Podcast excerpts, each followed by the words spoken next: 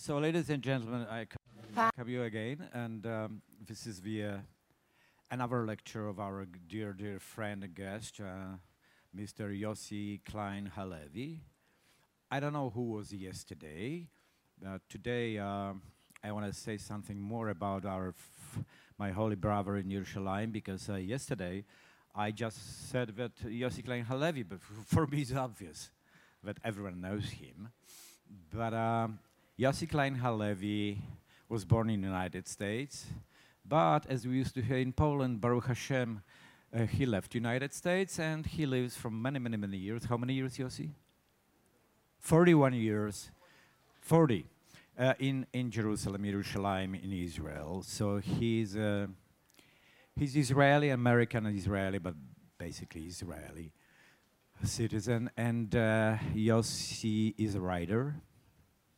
He's a great writer, and up right till now, only one book is translated to Polish, uh, called "Letters to My Palestinian Neighbors," because Mr. Halevi lives in the edge of the. Uh, ha- do you know where the French Hill in Jerusalem? Who knows? Okay, the rest people have to go. I will be your guide. Okay, we'll go to Yossi Skla- Hein Levi house, and, and I'm more than sure that Sarah will be very happy to host the 50 people. Yes.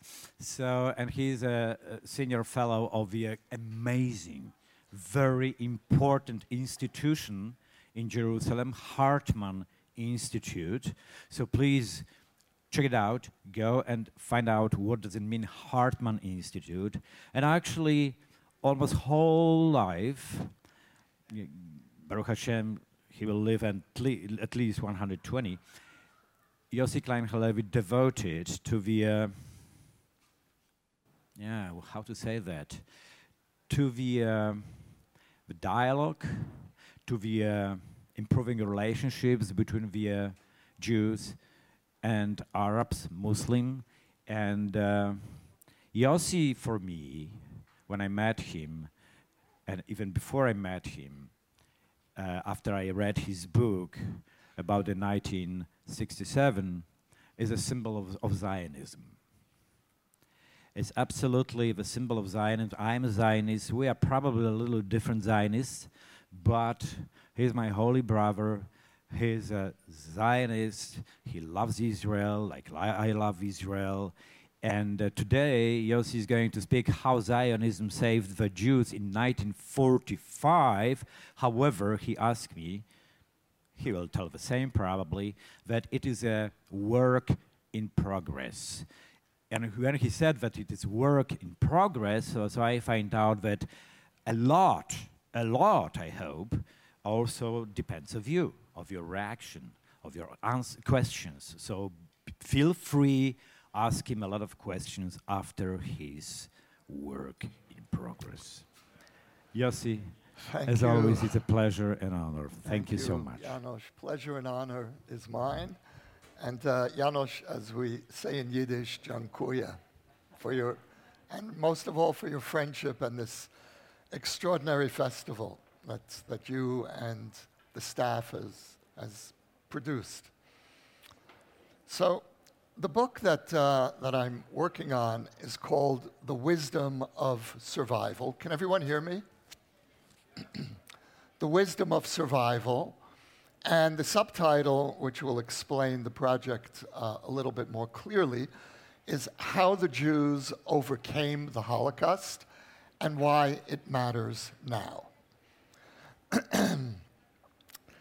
and a work in progress is a, um, for those of you who write or compose or engage in any of the arts, you'll appreciate excuse me. and that's, that's symbolic of what I want to say now, which is you'll appreciate how difficult it is to share a work that you're living with alone. You sit in a room, and it's, there's a very long incubation period, and that's very precious in the, in the creative process. And there's a very deep and justified fear of prematurely releasing parts of your work. I decided in the end to share some of this book because of this place and this event. And for me, what this festival really is about is over celebrating how we've overcome the Holocaust. And really, one of, uh, one of Janusz's uh, brilliant intuitions is that a Jewish culture festival, especially here in Krakow, an hour away, needs to not be nostalgic. And Janusz has what makes this festival so powerful artistically is that Janusz hates kitsch. He hates sentimentality. And the way that Janusz believes that we should honor the memory of the Jewish civilization that was destroyed in Europe is by celebrating the Jewish civilization that exists today. Not, of course, forgetting what came before, but not regurgitating. There's something, something new and extraordinary has happened to the Jewish people in these last 80 years, and that's what I'd like to talk with you about today.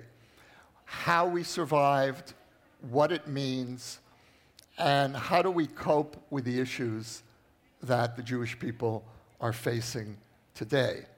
And so it really is, for me, an opportunity and a privilege to share a little bit of this work with all of you in this place at this, at this festival.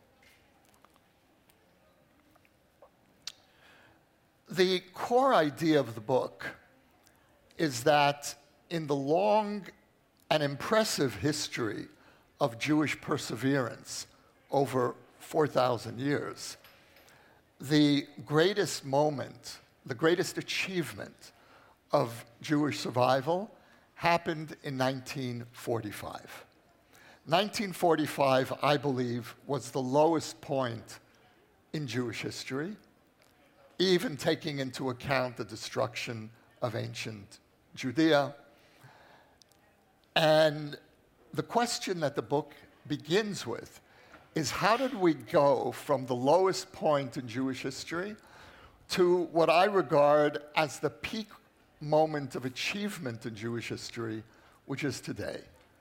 Despite all of the significant challenges that we're facing, both externally and internally, I would argue that never before has the Jewish people been more powerful, more able to defend itself, if you look at any examples in the ancient world, the Davidic kingdom, um, any examples of ancient Jewish sovereignty, nothing compares to the power and the reach of the state of Israel on the world stage.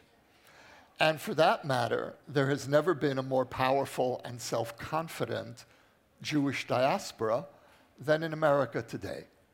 And so to have these two communities emerging more or less simultaneously after the Holocaust, and I, I, the, the American Jewish community that we know today really came into its own in the post Holocaust era, and it's not a coincidence that the State of Israel and a self confident American Jewish community emerged more or less in tandem because the two immeasurably strengthened each other. And so we're living today in, again, what I regard as the peak moment of, uh, of uh, Jewish presence on the world stage. I'll describe parts of this book in the course of the next hour or so. And I'll, at the same time, I'll read excerpts from the book. And I apologize uh, in advance to those of you who don't speak English. And I especially apologize to the wonderful translator uh, because it's not going to be easy to simultaneously translate pieces of a written account it's a lot easier to translate a, um, a spoken flow. Uh, so I will try to explain as much as possible before I read, and then hopefully the written text will, will explain itself. So the book begins, the first scene of the book begins in a forest in Transylvania in the fall of 1944. The Red Army has just entered Transylvania, and the Holocaust is over in Transylvania, late fall 1944. And this is the beginning. Sometime in the fall of 1944, three young Jews in a forest in Transylvania crawled out of the earth. They had been hiding underground since the previous March when the Germans invaded Hungary and began deporting Jews to Auschwitz. The three men escaped to the forest, dug a hole large enough for crouching, covered it with branches, and lived in what they called, without irony, their grave. Now the German army was in retreat, the Red Army was approaching, and the young men emerged into the day. The morning may have been damp or sunny, prescient with the chill of winter, or reassuring with lingering warmth. Most likely they didn't notice. Even a pale autumn light would have disoriented them. They hadn't seen the sun since their interment, venturing out only at night to forage. They felt no joy or even relief. The earth had released them reluctantly. They carried its dampness, its slow devouring. They hadn't believed they would survive. Surely a pack of hunters or picnicking lovers would discover and betray them. Their survival was coincidence. They had simply fallen through a crack. The young men began walking back toward home. But they knew the truth. There was no home to return to. Their world was gone. In this new world, the dead roamed the air while the living lay in the earth. The three Jews entered their town, Nagykároly.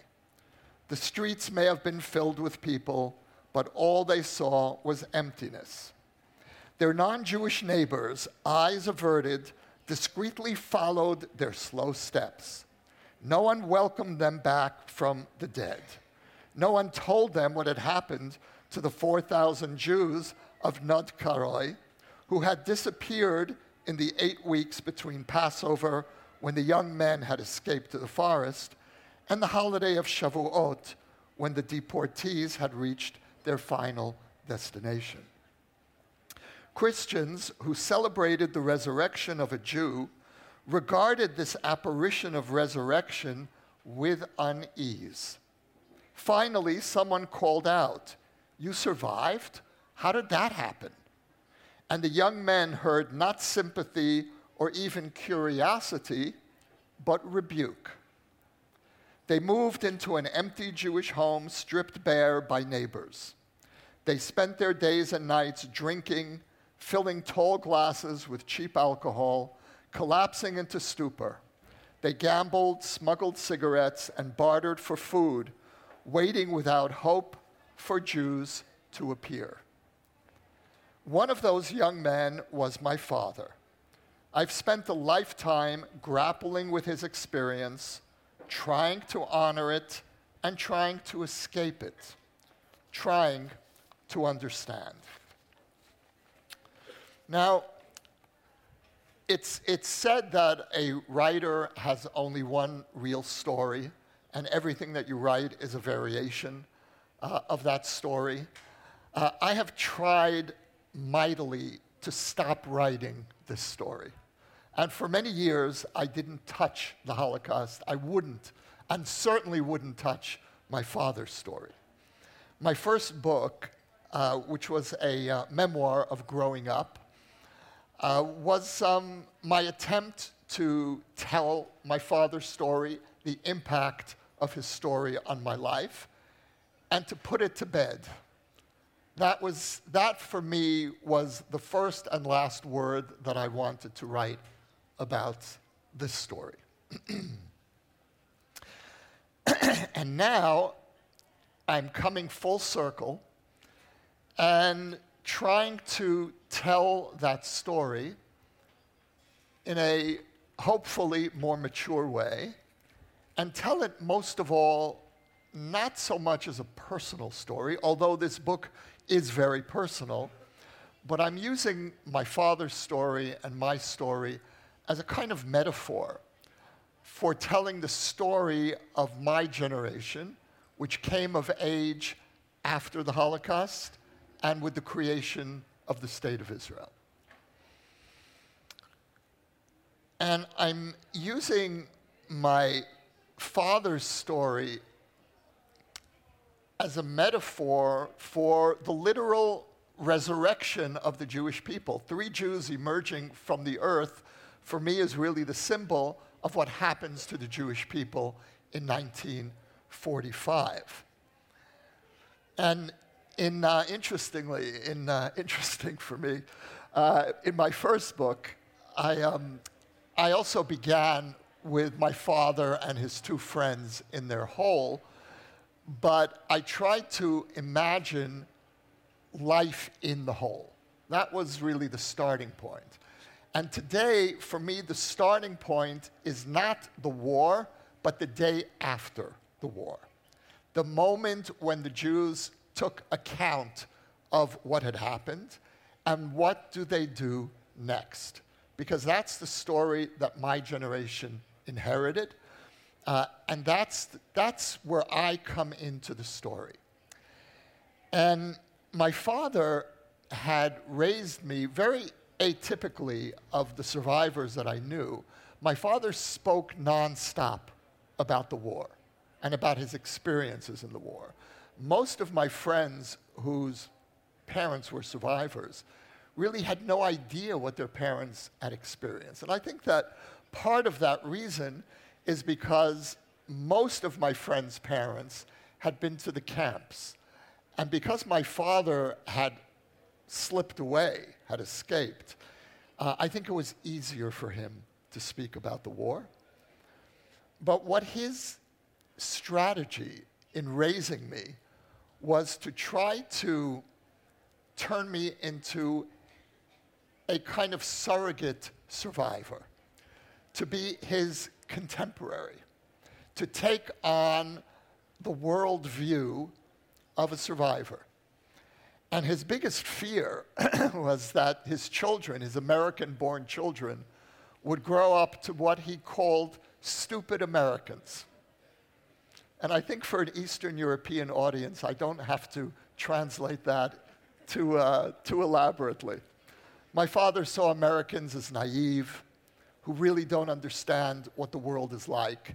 And he wanted to raise his children as surrogate Europeans, European Jews, uh, who would avoid the pitfalls of especially America of the 1960s and 70s, which I fully embraced growing up. That was, that was the America that I loved. I was, I was, uh, I, I, I saw myself as a child of the 60s, and my father was terrified of the 1960s and everything it represented.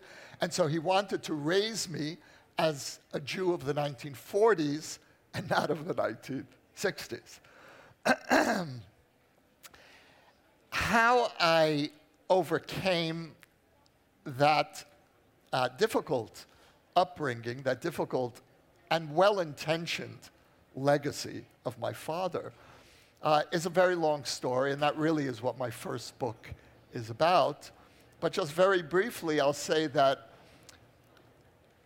it meant owning my generation's story and realizing that the difference between my generation and my father's, my father's generation was the least fortunate generation of Jews in history. my generation has been the luckiest generation of Jews in history. And the distance between the experiences of my generation, which is called the second generation, and my father's, is so dramatic that it really should have been measured by centuries rather than by mere decades. And so I eventually came to realize that I need to celebrate the Jewish success story that I inherited. I didn't only inherit the trauma, I also and primarily inherited the success. And so this book is really an attempt to own the Jewish success story. And it's coming at a very important moment, I think, in, in Jewish history, which is that the Holocaust is finally transitioning from a living trauma to a historical memory. In 2033, which is not actually that far away, uh, we will be marking the centenary of the Nazi rise to power. A hundred years is a very long time in history, and it is an eternity in contemporary times when history moves so quickly in a time of social media when we barely have institutional memory. A hundred years is really ancient history. And so, what the Jewish people needs to start coming to terms with is what are we going to remember? How will we remember it? And why will we remember? And the argument of this book, there are many arguments. I have many arguments, many opinions, but one of the central arguments of this book is that we need to redefine ourselves as a survivor people. That needs to become the core of a contemporary Jewish identity. And by survivor people, I don't necessarily mean and I, in fact, I don't primarily mean, I don't primarily mean that we are the people that endured the Holocaust, but that we are the people that overcame the Holocaust, that survived and triumphed, and that turned the lowest point in our history into the peak moment of Jewish history.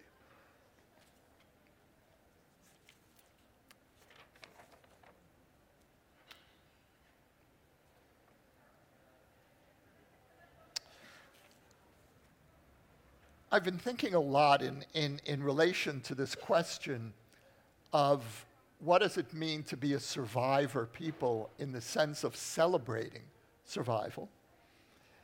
Thinking a lot about the, the exodus from Egypt the story, the, the founding story of the people of Israel.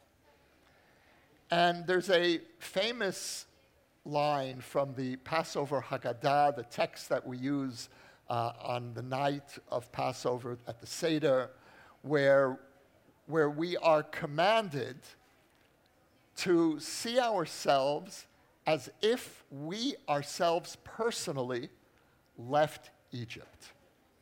And what I find so interesting about that commandment is that there is no equi- equivalent command to the Jews to remember as if you yourselves were slaves in Egypt. Now, we are commanded to remember that we were slaves in Egypt, but we're never commanded to have this kind of elaborate play of empathy in which we try to imagine ourselves inhabiting that particular experience.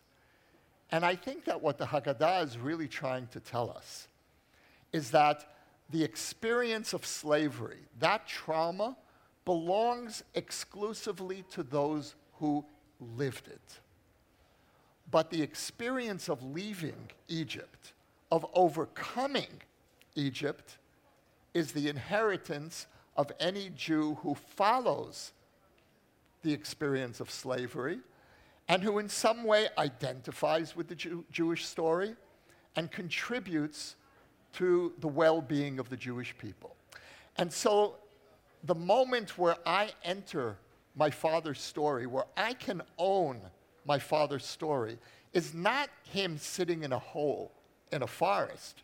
It's him coming out of the hole and then making certain decisions that eventually led to his having uh, a, um, an extraordinarily successful and fulfilling life.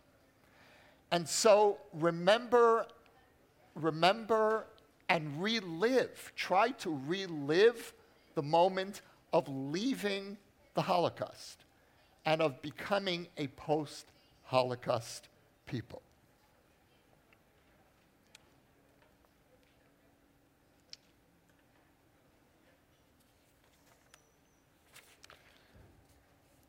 In 1945,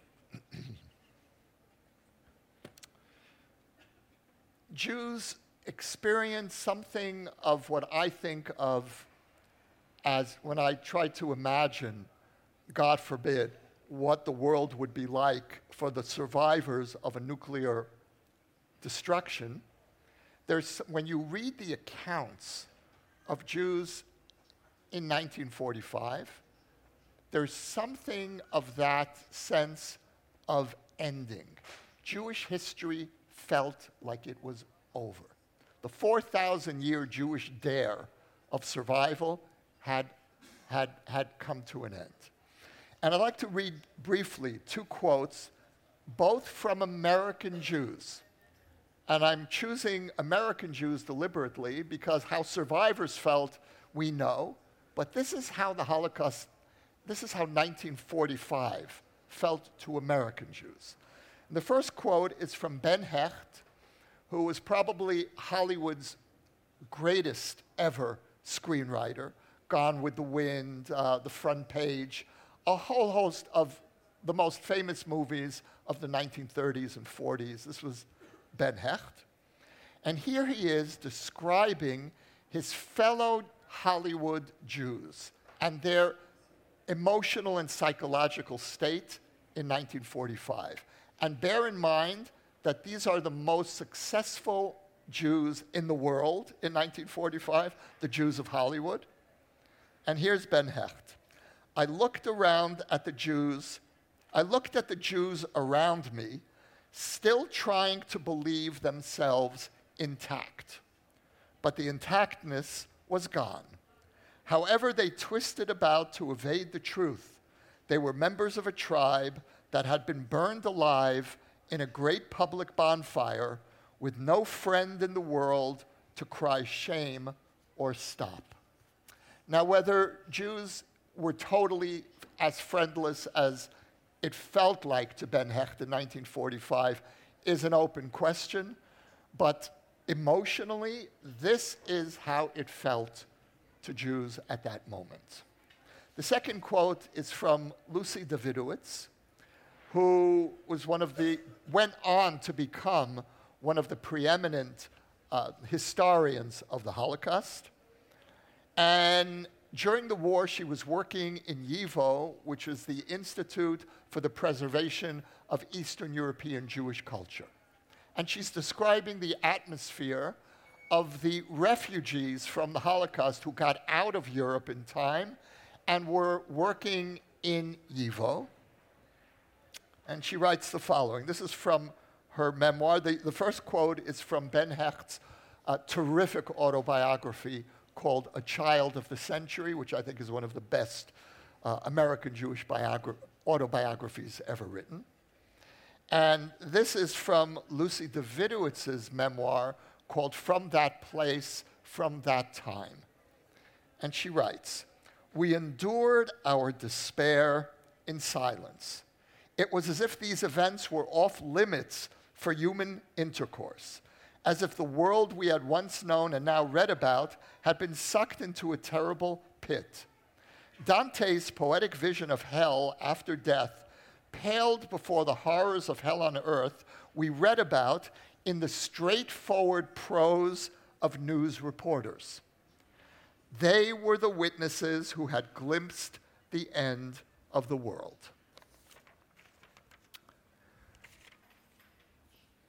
The great achievement of Zionism, besides, of course, providing physical refuge for the Jewish people, teaching the Jewish people how to defend itself from, from, from threat, the great psychological achievement of Zionism was to save the Jews from a fatal despair a despair in the world, a despair in God, a despair in their own ability to be an effective people in the world. And the first chapter of the book looks at the astonishing and largely forgotten story of the displaced persons camps. The survivors, about a quarter of a million survivors, who lived in displaced persons camps, mostly in Germany, in Austria, and, and to some extent in Italy. And the DP camps were this extraordinary moment where the survivors created their own Jewish society. Uh, one, one of the leaders of the DP camps uh, called it, uh, these were the last shtetls of Europe, the last Jewish villages of Europe. And these camps, which were almost entirely um, youth societies, because it was only young people who survived. If you were in your 30s, you were considered an elder in the DP camps.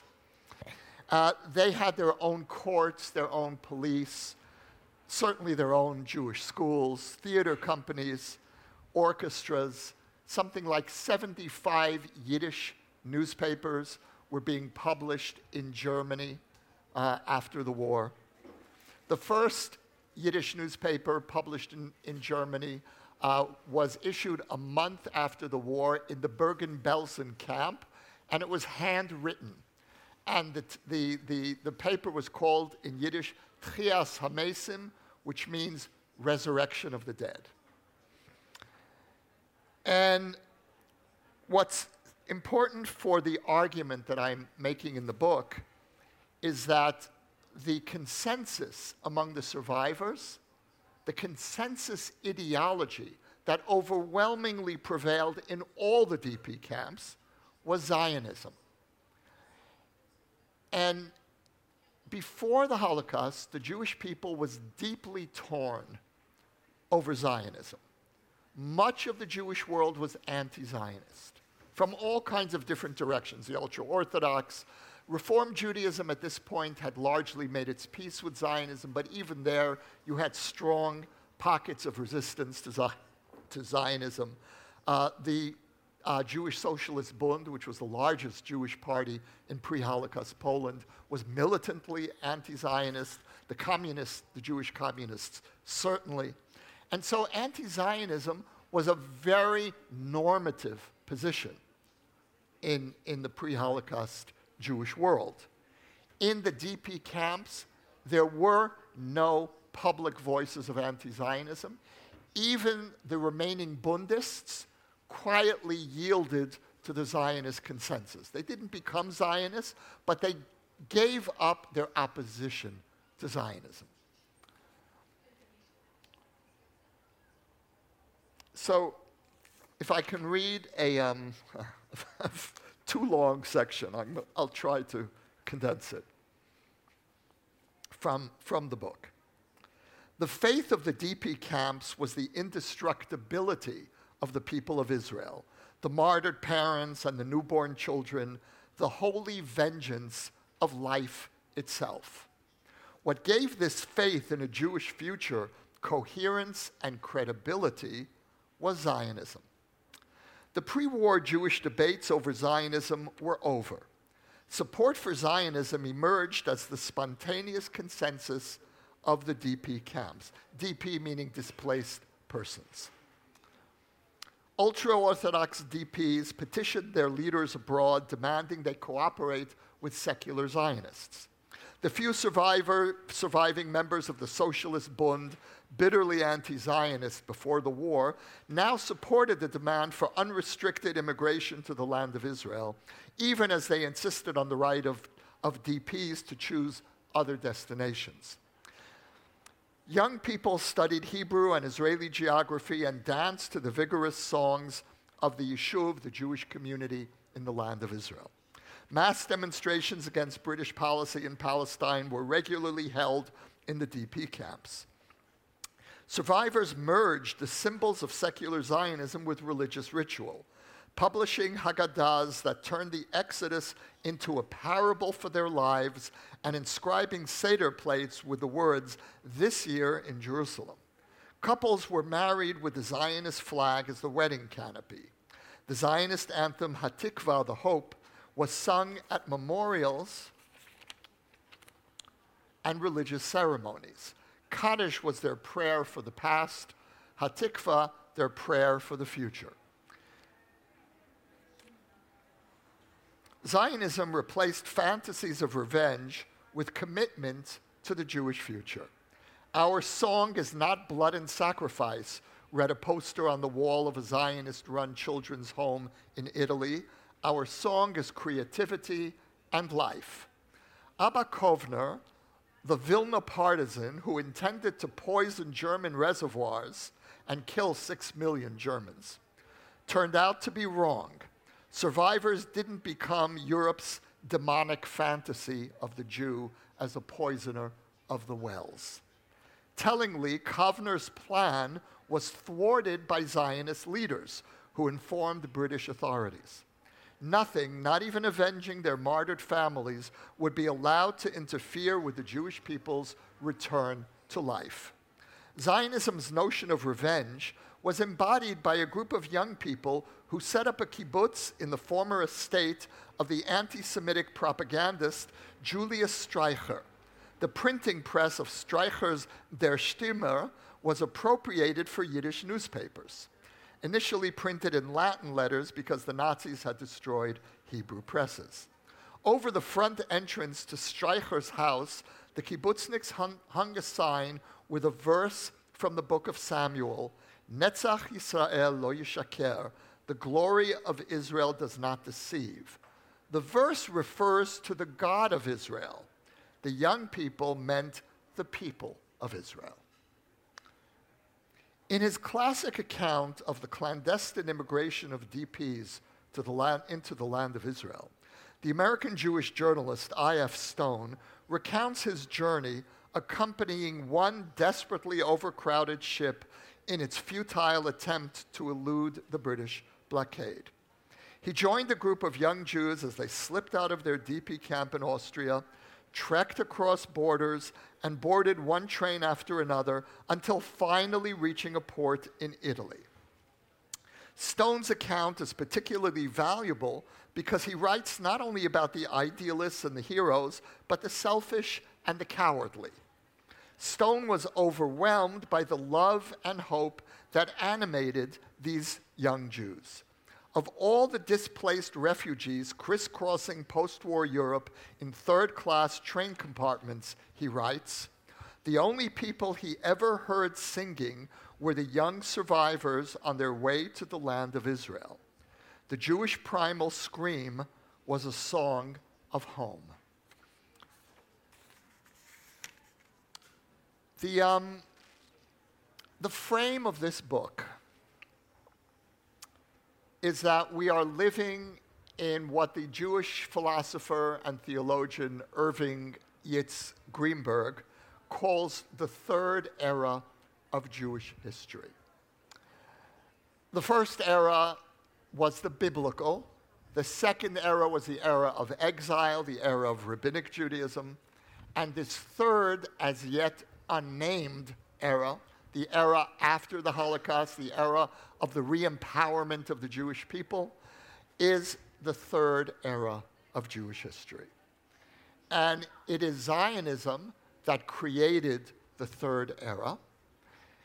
And anti Zionism, and the reason that I regard anti Zionism as the greatest threat that the Jewish people faces, anti Zionism is the attempt to discredit the story of the third era, the return of the Jewish people home, the legitimacy of the re empowerment of the Jewish people. And it is an attempt to restore us to the era before the Holocaust, the era of Jewish powerlessness. Now, a quick word about the relationship between Zionism and the creation of Israel. Zionism, the Holocaust, I, a quick a word about the relationship of the Holocaust to the state of Israel.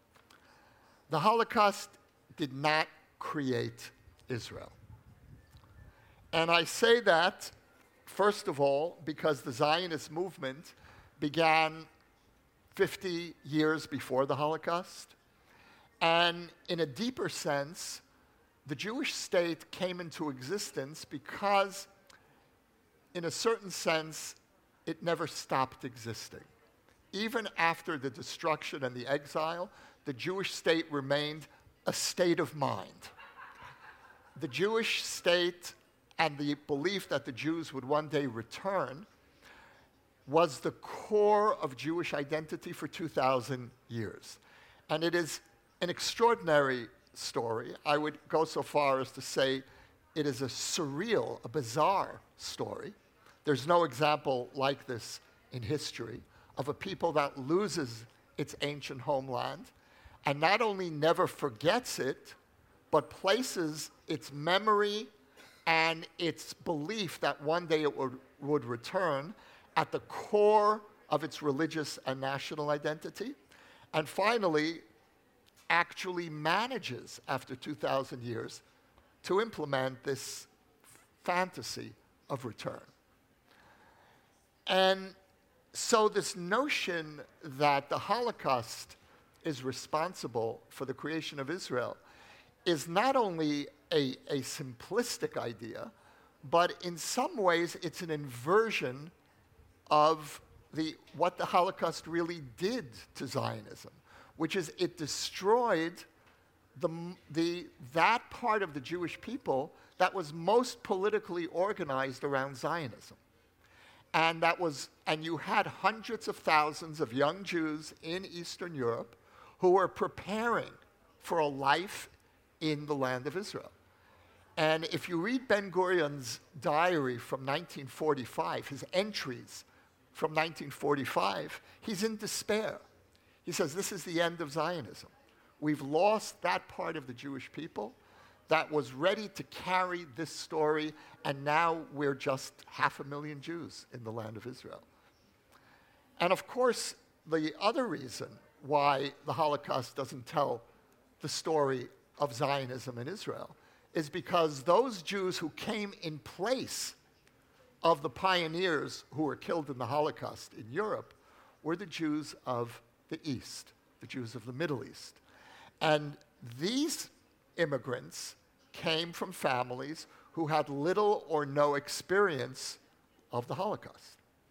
And so today, a majority of Israeli Jews come from families whose origin is in the Middle East, who fled or were expelled from one part of the Middle East and moved to another part. The Holocaust does not tell their story. And we do a great injustice to Israeli society, the complexity of Israeli society today, by trying to fit the story of Israel into that prism of the Holocaust. So, why am I sitting here speaking about the Holocaust, and why am I writing a book about the connection between the Holocaust and, and the state of Israel. My intention is not to draw a cause and effect politically, but psychologically and spiritually. Because the world, the Jewish world that we know today, the world of Jewish self confidence, of power, owes, owes its, its, its existence to the emergence of the state of Israel at that crucial moment. Zionism, I believe, retrieved the Jews psychologically and also spiritually, and I would argue religiously as well. So, if I can go on for another 15 minutes and then we'll open for question.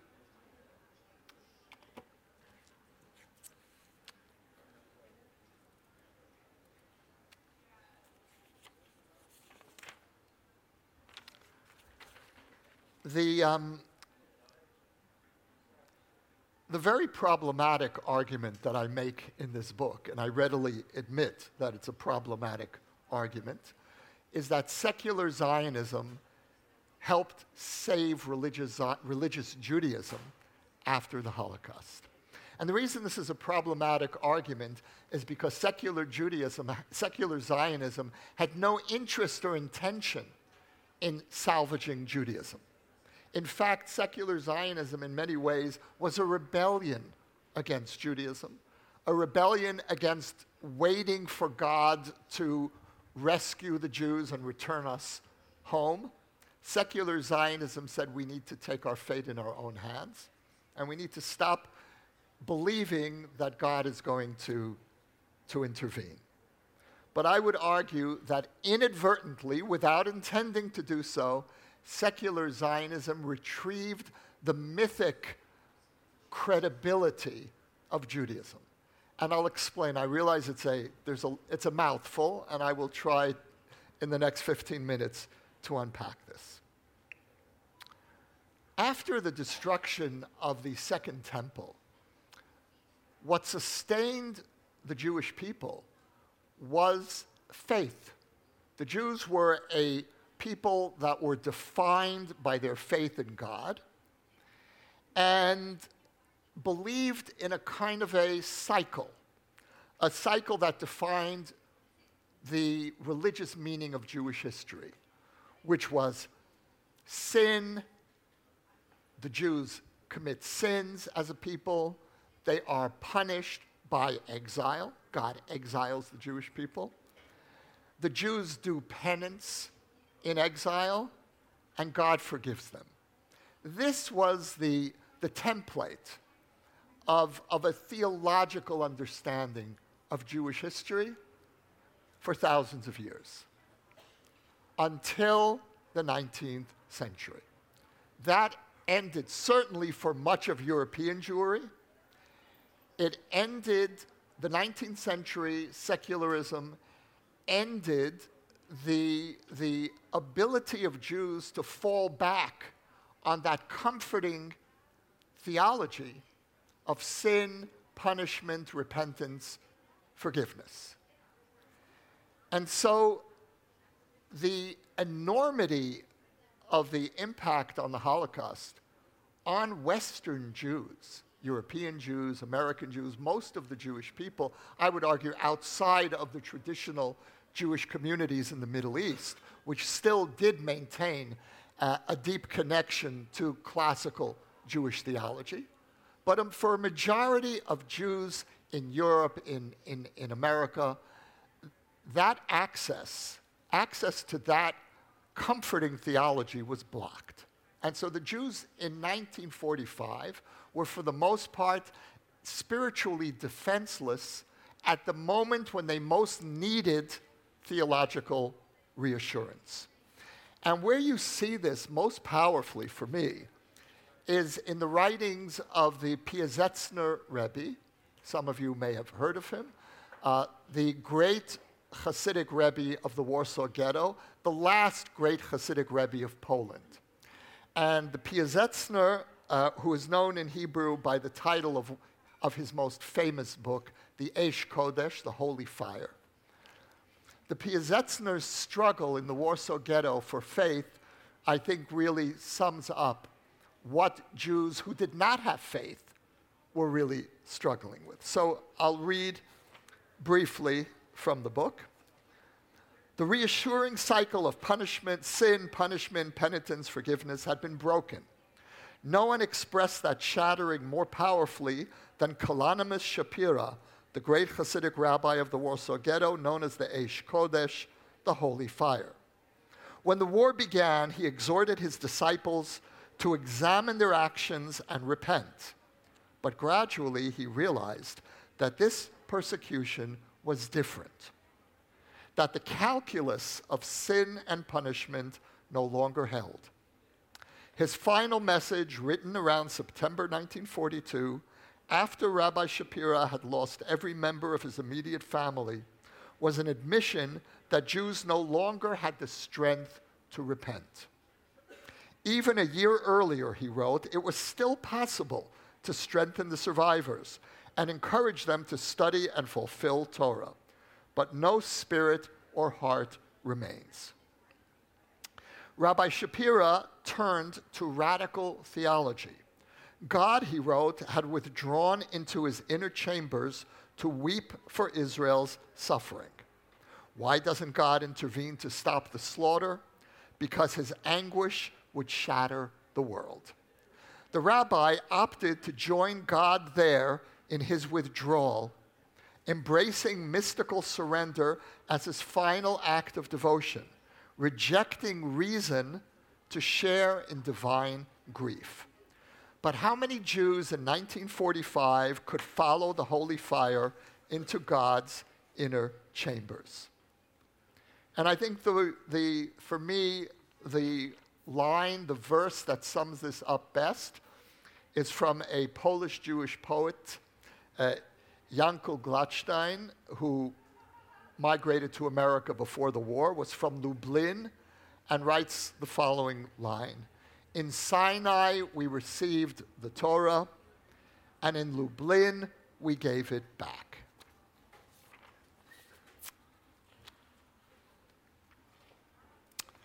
The truth is that the spiritual assault of the final solution, and the term that I use in the book that I much prefer to the Holocaust is the German term for the final solution, Endlösung.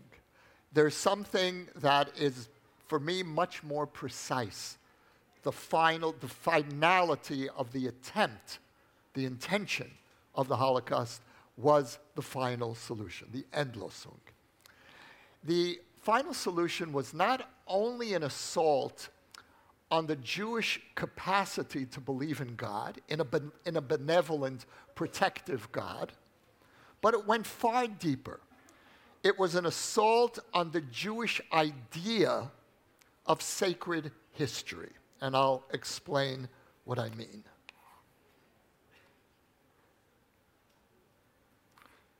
I need to make a note for the book. Thanks for the inspiration.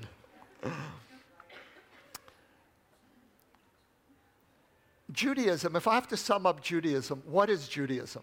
In one line, Judaism is the story of God's encounter with the Jewish people through history. That's Judaism. Judaism is the notion that history is not random, but there's a sacred subtext to what seems to be a random story. In Judaism, there is a beginning, the creation of the world. There is a middle, the story of the Jewish people through history. And there's an endpoint, which is world redemption. The Jewish holidays, for the most part, are reenactments of moments of God's encounter with the people of Israel in historical, in historical time of the entire people experiencing God's presence. In Judaism, God does not leave history to random chance, but all of history is actually intentional. Now, this is a very radical idea, especially for a people with a history like the Jews it takes an enormous amount of chutzpah. Do I need to translate that word in, into, into English? It takes an enormous amount of, of daring uh, uh, to, for, the, for a people whose history is largely the story, or, or to some extent, the story of one atrocity after another, to say, look at our history, and here's, your, here's where you're going to find God's presence you would think a natural response is no, thank you. You know, we really would rather not have God's presence if this is the result, which was a normative response by Jews, especially survivors, in 1945. If this is what it means to be chosen God, as Tevye says in Fiddler on the Roof, choose someone else. Choose another people for a change. And my father used to say that all the time. He didn't know that that was Tevye and the Fiddler on the Roof hadn't yet been made. And uh, I remember growing up hearing my father said, let God choose someone else. And you actually find it in one of the great Yiddish poets uh, writing that same line in 1945. What does that mean, really? What, are the, what is the theological meaning of the Jews saying in 1945 to God, We're finished with you choosing us? In Sinai, we accepted the Torah. In Lublin, we gave it back. We're finished with this story, this fantasy that somehow Jewish history shows God's presence. What Jewish history really shows is God's absence. And the final solution, the Endlösung, was a conscious attempt on the part of the Nazis to destroy the credibility of the Jewish idea of sacred history.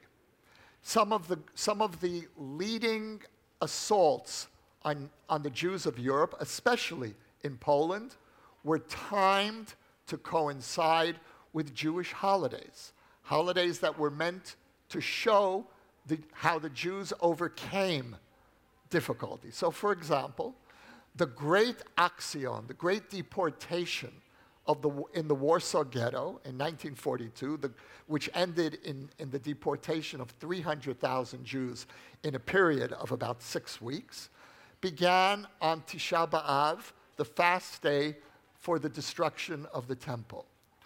The final liquidation of the Warsaw Ghetto was timed for the first day of Passover. And of course, that was thwarted by the uprising. But the Nazis had a keen awareness of the Jewish calendar and often timed the key moments of the Holocaust to coincide with sacred Jewish history in order to undermine the credibility of the Jewish story, the notion that God acts in history. And this is really a, a reenactment of the ancient pagan encounter with Judaism.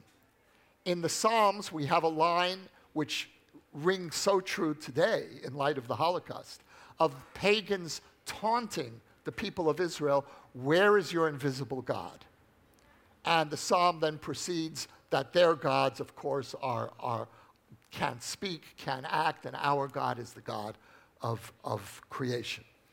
But here in the Holocaust, the Nazis are taking up this ancient pagan taunt and are, are using the Holocaust as the arena to discredit the notion of sacred history.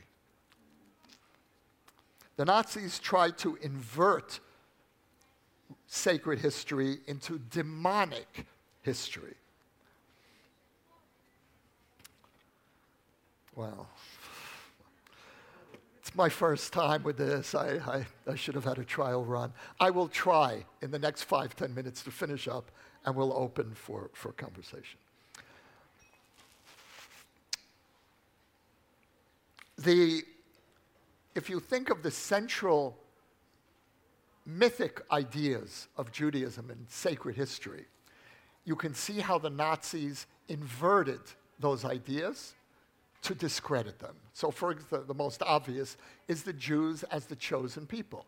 Well, the Nazis proved that the Jews actually are the chosen people.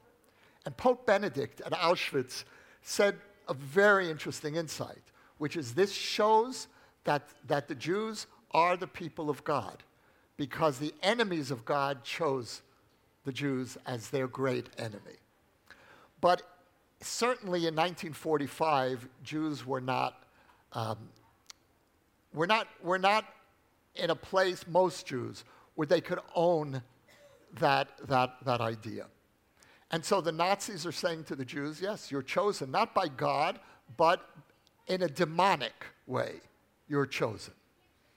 The central animating redemptive image for Jews of the Messianic era the event that would be the great drama of Messianism would be the ingathering of Jews, and that's the term that Jews, that, that the Bible uses, kibbutz galuyot, the ingathering of the exiles back to the point of origin, back to the land of Israel.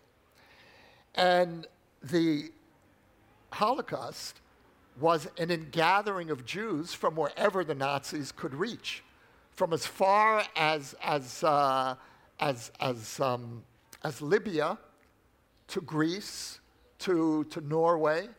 As far as the Nazis were able to reach, the camps were an ingathering of the Jewish people. So, a demonic inversion of the messianic idea of the ingathering of the Jews is exactly what the Nazis did.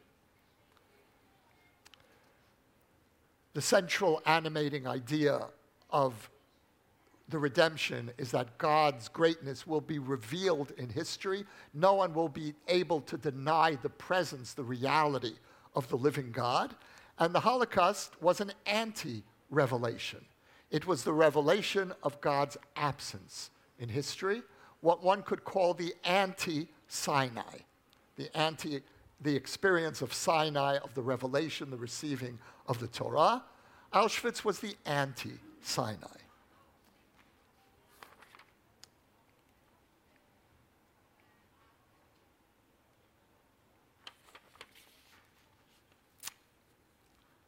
Zionism, and again, this is a spiritual connection between Zionism and, and the Holocaust and the state of Israel. Zionism unintentionally presented the Jewish theological response to the Holocaust. To ignore the religious challenge of Auschwitz is to cede, to concede, to surrender history to the demonic, to the demonic imagination. We needed a mythic counterweight to Auschwitz.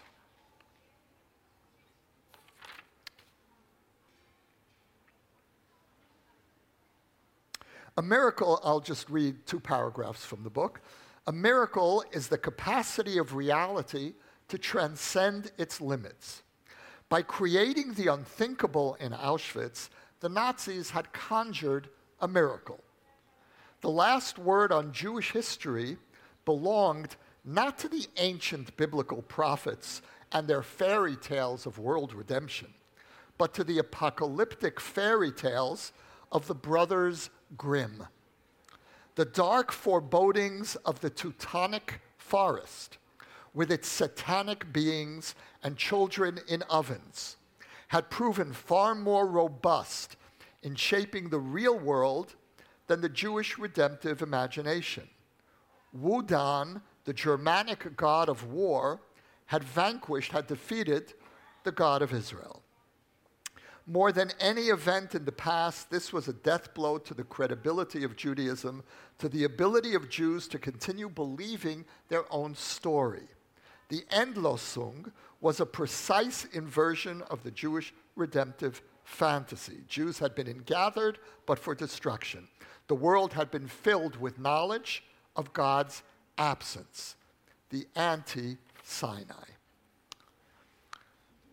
So Zionism comes along and says we are going to fulfill the great mythic fantasy of Judaism, which is the ingathering into Zion.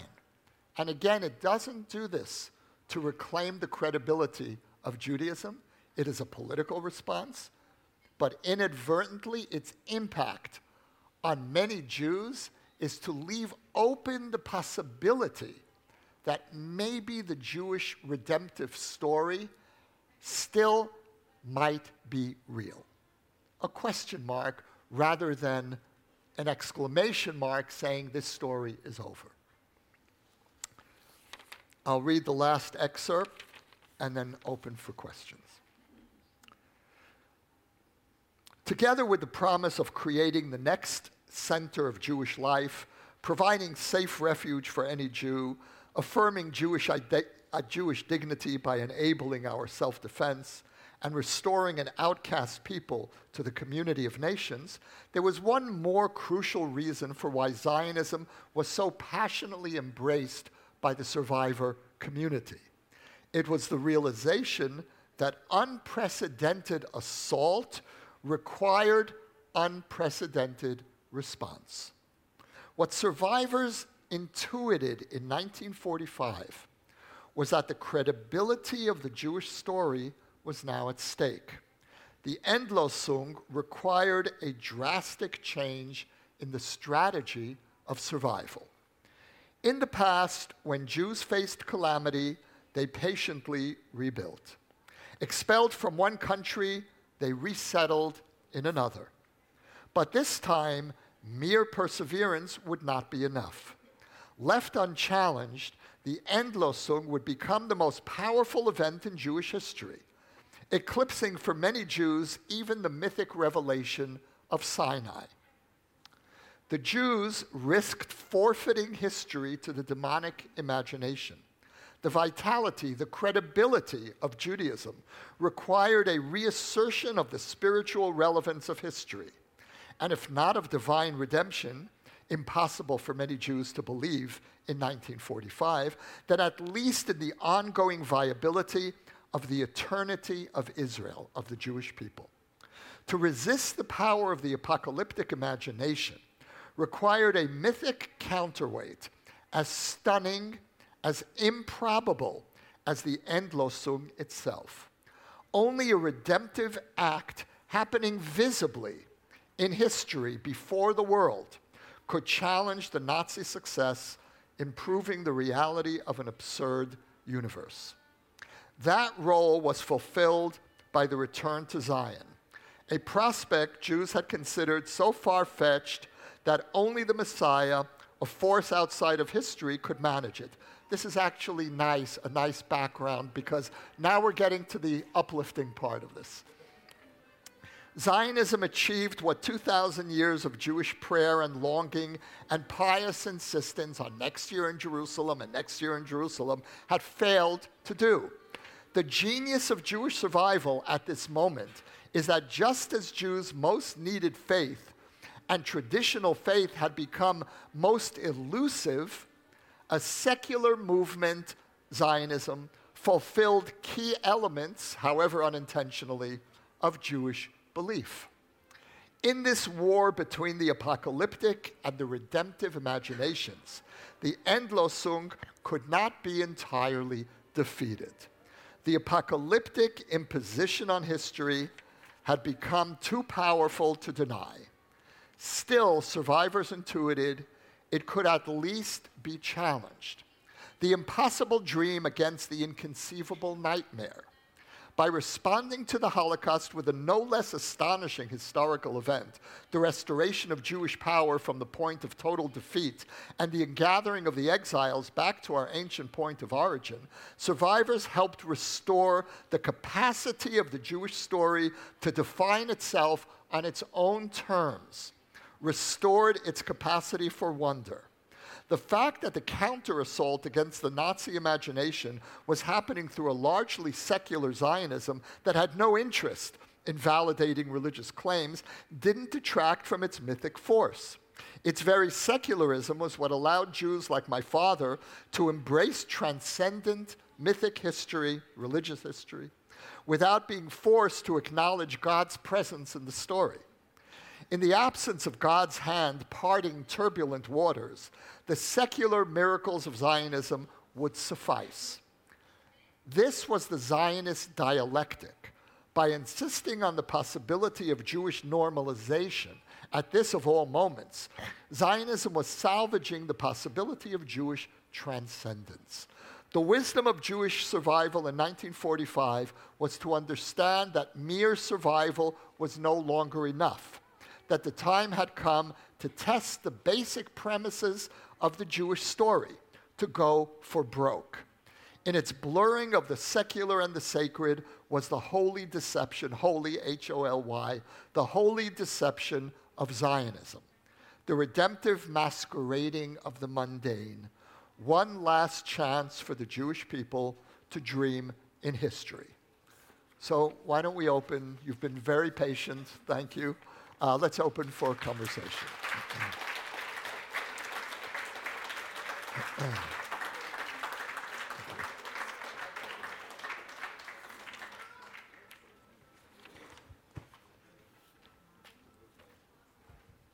Thank you. Excellent talk. Um, if you'll indulge me for a moment. Ah. If you'll indulge me for a moment, I don't really have a question, I have a comment. Um, it's, first of all, it sounds to me as though uh, much that you have written here that is, uh, supports the argument that I think is very strong anyway, that anti Zionism is anti Semitic.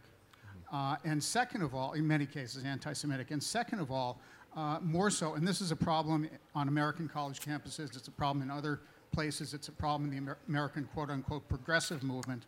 Uh, to expect a Jew to turn anti Zionism or pro BDS uh, as a price of admission for that particular group is to, is to expect us to cut our hearts, hearts out. So uh, thank you for the comment. I, um, I do have a chapter on anti-Zionism. Uh, what I really uh, wanted to focus on here uh, is not the political, uh, and again, I don't shy away from the political, not, not in this book and not in my own uh, life. But I, um, I, would, I, I would appreciate if we could and again, not to dismiss the significance of your comment, but I would like to, if we can, focus on, um, on the spiritual questions, the philosophical or religious questions uh, that are being raised here. And I'd be very happy to unpack this with you privately.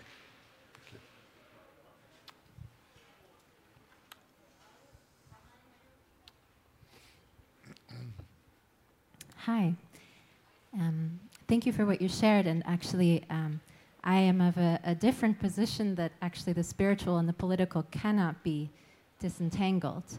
And uh, I actually wonder how continuing to reference this point in time actually obscures the reality of the, as you say, it was the most powerful era or, or the gathering of power, and how that power has been abused in the occupation of Palestine. And by continuing to erase that fact, is continuing to reproduce that abuse of power. And okay. I'm also of a, another generation. I respect your, your conversation with your previous generations, and I'm also of, of those lineages, and my generation requires this. Okay, so I can't get away from the question, and I will have to address both of your questions uh, which the book really does. This is the, the uh, in some ways, the introduction to the book. The book is really about the questions that you raise. It's about today.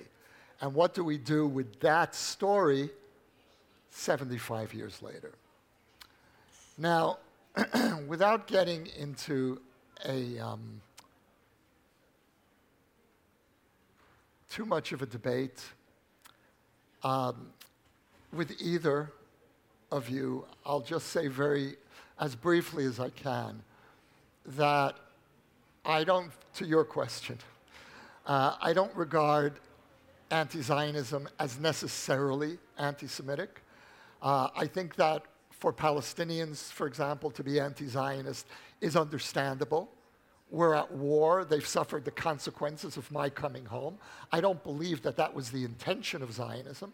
But that certainly has been a consequence. Palestinian suffering uh, is one very powerful consequence of my return home, and I have to own that. But the other reason why I don't feel a need personally to put anti Zionism into the anti Semitic category, even though in many cases it is that, often unintentionally, but in practice it is. But for me, anti Zionism is enough of a threat on its own to not require this category of, uh, of anti Semitism. And I think that, that the Jewish people hasn't fully internalized what it means to own the consequences of Jewish power. It means that we're not an innocent victim people anymore. And I celebrate the fact that we're not an innocent victim people anymore. That's why I'm a Zionist. I don't want us to be pure, pure victims. I'll get to your question in a moment. I'm still on his. And for me, what that means is that I have to own the consequences of power in the real world And that means that I'm not purely innocent anymore. I'm, a, I'm an antagonist in a very bitter conflict, and I've done many things that I shouldn't do to defend myself, sometimes not to defend myself. That's the nature of a life and death conflict that has been going on for 100 years. Both sides do terrible things. We happen to win, so we did worse things. But that is what I believe. Now I'll get to your question. I believe that what was required of us to defend ourselves was to do really hard things. Now, that's not to justify everything. It doesn't justify, for me, the ongoing expansion of settlements, for example, which is undermining the ability to resolve this conflict. I don't put, by any means, all the blame for the absence of peace on my side. I think that even if we had the most left wing government in Israel, we would not be able to reach an agreement with the Palestinian leadership because the Palestinian leadership still has not come to terms with the legitimacy of a Jewish, Jewish sovereign presence in any part of this land. And when I look at the, go- the Israeli government today, I feel this anti peace government is the analog of what exists on the Palestinian side. I don't see any Palestinian leader today, including Mahmoud Abbas, who is really ready to make a deal based on a two state solution that would leave the Jewish people sovereign in part of this land. And I say that for a simple reason. There is no Palestinian leader today who is ready to give up the demand for the descendants of Palestinian refugees to return to what is now the state of Israel, and instead to confine their return to that part of Palestine that will be a Palestinian state, which is, for me, the West Bank and Gaza. And so the deal that I support is the land of Israel and the land of Palestine are from the river to the sea. And what that means is that when the Palestinians say, from the river to the sea, Palestine will be free, my response is, you're right. All of Palestine belongs to you. The problem is, all of that land between the river and the sea also belongs to me. It's all the land of Israel. If Jaffa and Haifa belong to the Palestinians, and yes, it belongs to you. The problem is that Hebron and, Be- and Bethlehem and Nablus belong to me.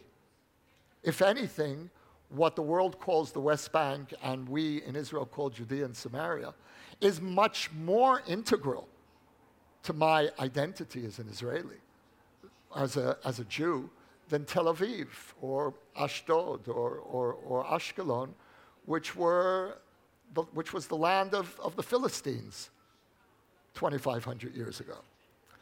And so I didn't intend to speak about this, but I, I, I see I, I, I have to. For me, the conceptual solution is that the land of Israel cannot equal the state of Israel, and the land of Palestine cannot equal the state of Palestine.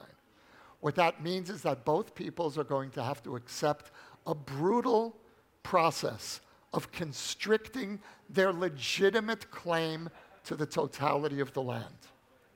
I will have to give up not my historical claim to Hebron, to Hebron, but the implementation of my claim.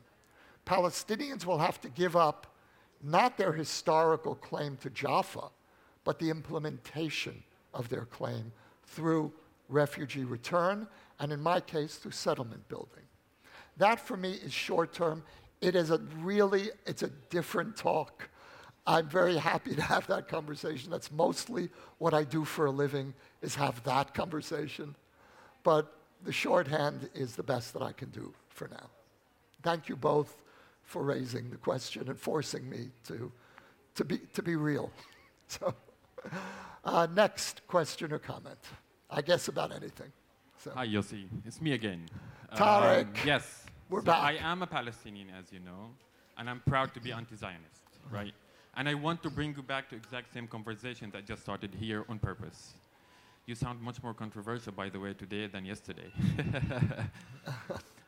so, like, you know, like, nowadays story of Zionism is the story that I would just tell you. Like two years ago, an Israeli soldier came to my family house, blew the door, blew the door up in the middle of the night while the, my parents were sleeping, and pointed a gun on their heads and told them to leave the house. Um, and my father asked the soldier back and asked him, Why are you doing this? He said, This is our land. We do whatever we want. now, in your conversation, you're talking about secular Zionism, which you see as a third era of Israel that somehow protected the religious Zionism. But at the same time, yesterday, you said a lot of the Orthodox Jews are a threat to the current dynamics uh, in the state of Israel.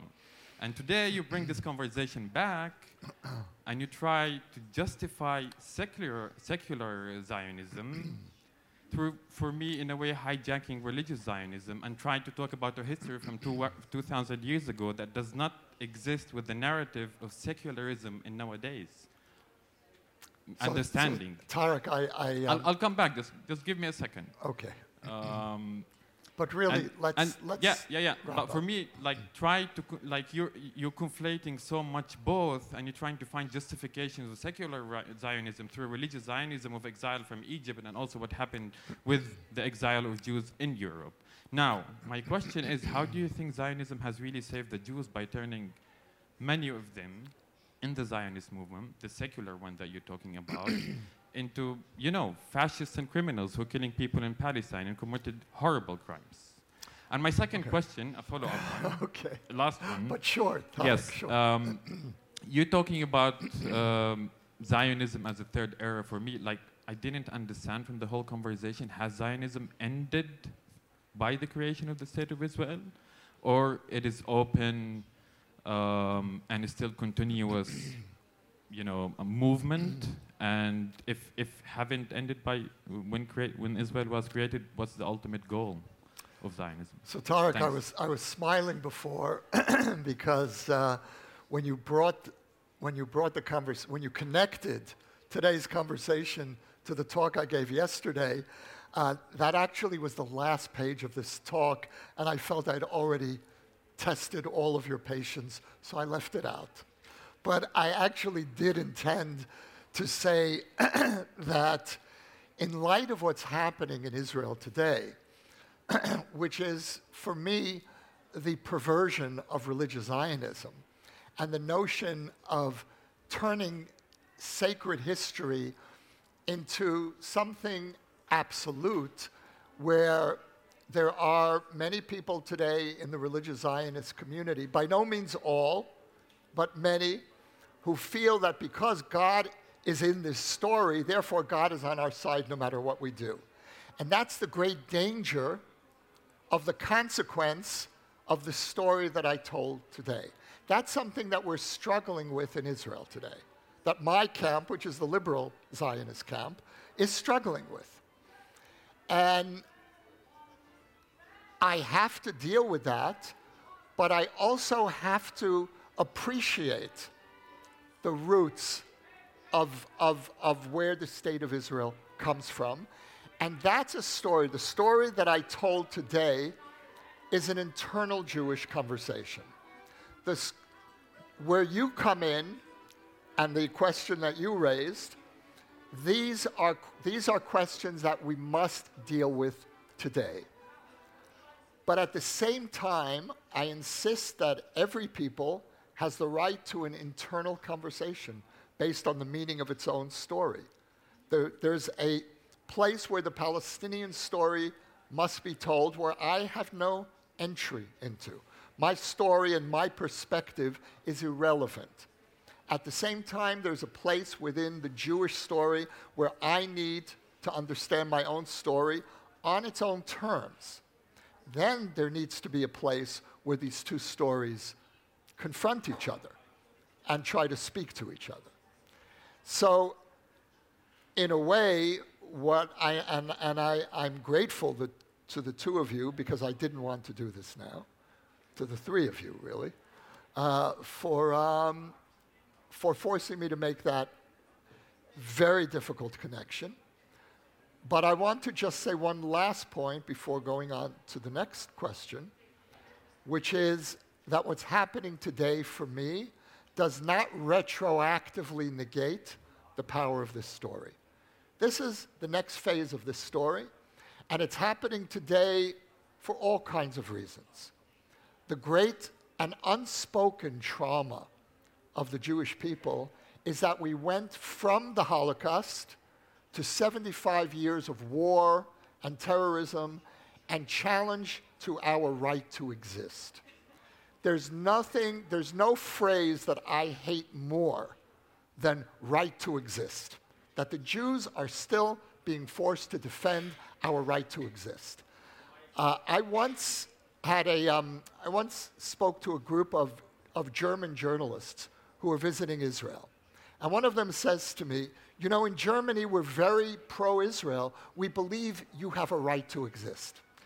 And I said to him, You know, in Israel, we're very pro German. We believe that Germany has the right to exist. Maybe.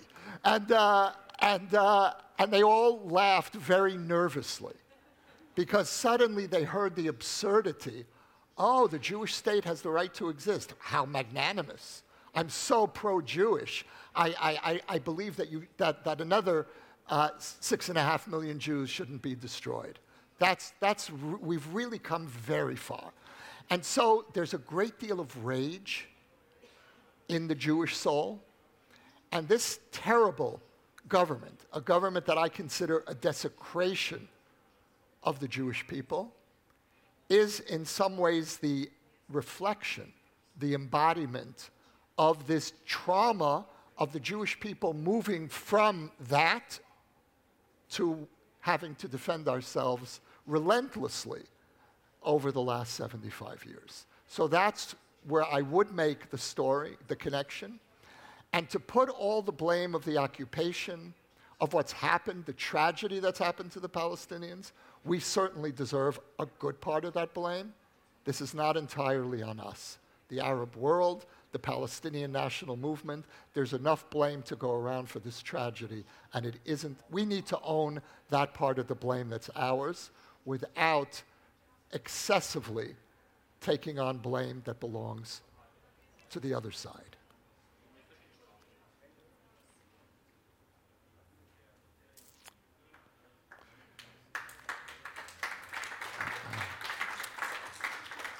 And I'm really curious about the second question because uh, I ah, really don't know. Remind the, me. Yeah. Um, like, has Zionism ended with the creation of the state of Israel, or is it an open-ended goal? I'm, or if not, if haven't ended yet, what's the Oh, that's goal? a really good yeah. question, and it's it's it's. Let me just say very simply, um, every everyone has a different idea of what Zionism is. My idea today is that Zionism when the Jewish state was created, Zionism fulfilled its political goal. Today, Zionism for me is an argument over Jewish identity.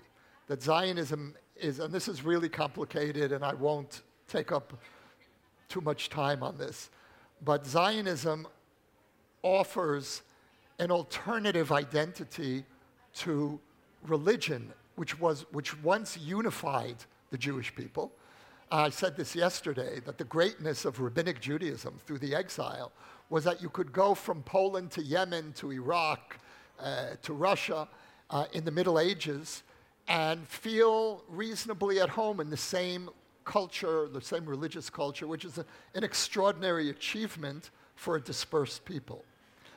That broke down in the 19th century when religion stopped being the great unifier for the Jewish people and became the great divisive force.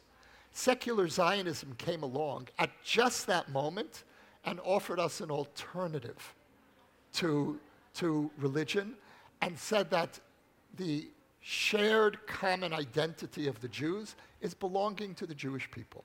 So for me, the continued relevance of Zionism is as the ideology of what holds Jews together around the world, whether you're ultra Orthodox or an atheist.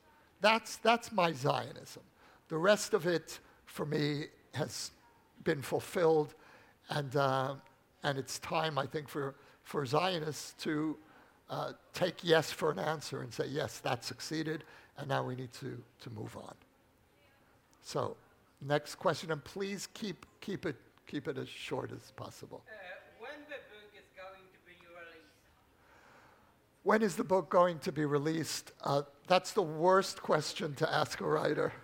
I, um, look, the book is already two years past its expiration date. Uh, it was due two years ago. Uh, fortunately, I have a very indulgent and supportive editor. Uh, I'm very slow. And I hope to finish, I hope the book will be out within two years. There, I've, I've just committed myself to uh, a date of publication. As we say in the Middle East, God is great. We'll see. We'll see. Thank you for the question. Yeah, I, I have a question. Uh, I think it's more related to the lecture of yesterday. Uh, but what is your stand on, on the Medinat Halacha as an idea? Okay, As what? n- Medinat- Medinat Halacha? The state of, of uh, Judaism, of Jewish law. Jewish law, yeah. So it's not related to the current government, generally as idea, especially uh, in the area of the Middle East, there are countries that they have their own uh, Sharia law. So it's kind of working for the millions of people.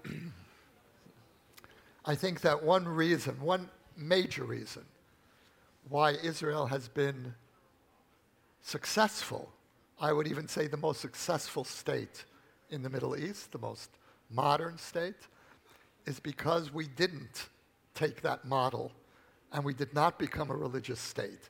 We have many religious laws. I would argue that Israel is a secular state with too many religious laws. And what I, what I tried to say yesterday is that one of the areas of contention, one of the areas where we're fighting, my camp, which is liberal Israel, is fighting this government and its camp, is over the question of what do we mean by a Jewish state? Is it a secular state of the Jewish people, the whole Jewish people, whoever we are? And or is it the state of Judaism and of a particular part of Judaism, of Orthodox Judaism? That's what this government is trying to enforce. And for me, that is an existential threat against Israel. Now, the other part of that is what do we mean by Israel as a de- democratic state? And here I would repeat the argument that I made yesterday, which is that Zionism didn't only recreate the Jewish people, but it created a new people called the Israelis. And in this new people known as the Israelis, you have 20% who are Palestinian citizens of Israel. And Israel, therefore, has to figure out how to simultaneously be a Jewish state that has intimate relationships with Jewish communities around the world, because that's one of the ways we express being a Jewish state, one of the essential ways. And at the same time, how do we become a fully democratic state where Arabs who are born in the state of Israel can feel that in some sense this state reflects who they are? They can feel that Israeli citizenship and, and being an Arab is not a contradiction in terms. For this government, it's a contradiction in terms. When I hear representatives of this government say, we were elected, this right wing government, we were elected by an by a overwhelming majority. What they're really saying is that we were elected by, an, by a strong Jewish majority. If you factor in the Arab vote, then this government actually won by three or 4,000 votes. It's not a strong majority. If you factor in, if, you if you leave out 20% of the population and effectively say they're allowed to vote, but their votes don't matter, then what you're really doing is saying Jewish and democratic are must Jewish equals Jewish and democratic. That's not my idea of democracy. So I am in a deep ideological struggle for the future identity of Israel as a Jewish state and Israel as a democratic state. Uh, can I?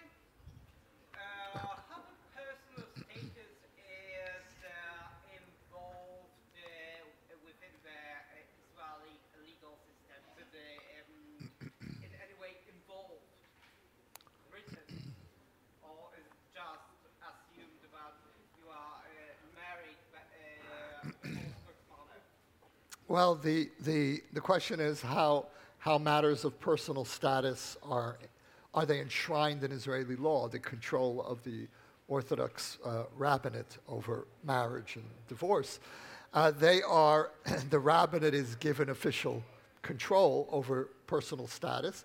It's a continuation of the Turkish system, the old Ottoman Empire, when every religious community was governed by its own religious authorities. So that's the origin, and I hope it will be uh, eventually replaced by a, uh, a different system. Any other questions or comments? Let's, let's give some other some people some other chance. And then if there, are, if there aren't any other questions, I'll come back to you. W świetle, w świetle Twojego wystąpienia zadaję, zadaję sobie In the in the light of your presentation, there is a question I've been asking myself.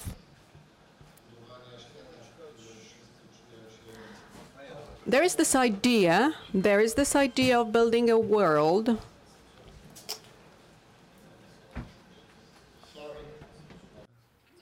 Ah, I hear, I, I hear, I hear now. We're good. Czy ta idea e, możliwości po, przeżywania siebie, swojego narodu jako zwycięskiego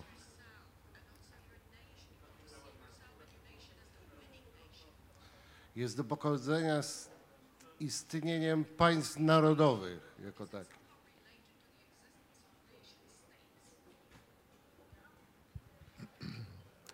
It's an interesting question. the, um, the nation state is the way in which, in the modern world, peoples express the fullness of their collective identity. So, in that sense, yes. But for me, a nation state is not something that's sacred in itself, it's a means to allowing a people to express itself fully in good ways and bad ways. Right now, what's happening in Israel for me is an expression of the worst tendencies in, in, in our people. But I own up to that. That's part of, of, being a, of being a sovereign nation state is you take responsibility for who you are, for your fate. And you can't allow yourself the luxury of fantasy ideas about who I am. Oh, I'm the chosen people. I'm the, I'm the most moral people in the world. Well, I'm the most moral people in the world when I don't have power. What happens when you have power? That was a very important moment for the Jewish people to say, we're going to test our moral credibility, the moral credibility of Judaism, in a nation state. What happens when we get power? Now, it's more complicated, as I tried to indicate before, because we happen to be a nation state under constant life and death threat. And that doesn't always bring out the highest moral qualities in a people when you're fighting for your life. So it's a very complicated dynamic, but the fact that Jewish history is playing out primarily, the major arena for Jewish history today, there is certainly the diaspora, but Jewish history has shifted back to the Middle East and to a nation state. That, I think, is really the great challenge for the Jewish people is what do we do with this gift of power? How do we treat our minorities? How do we try to live in peace with our neighbors? Even if our, some of our neighbors or many of our neighbors uh, aren't interested in living in peace with us, there are others who are. And I have a responsibility to, on the one hand, protect myself from threat, and on the other hand, to try to reach out to my neighbors. That's a big challenge for Israel.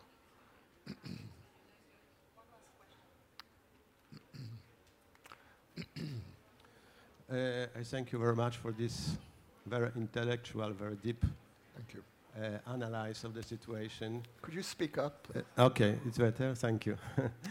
I would like just maybe to make my small correction to your explanation of uh, Holocaust in terms of how they produce it. Uh, the Germans, uh, that means the uh, Nazi uh, civilization.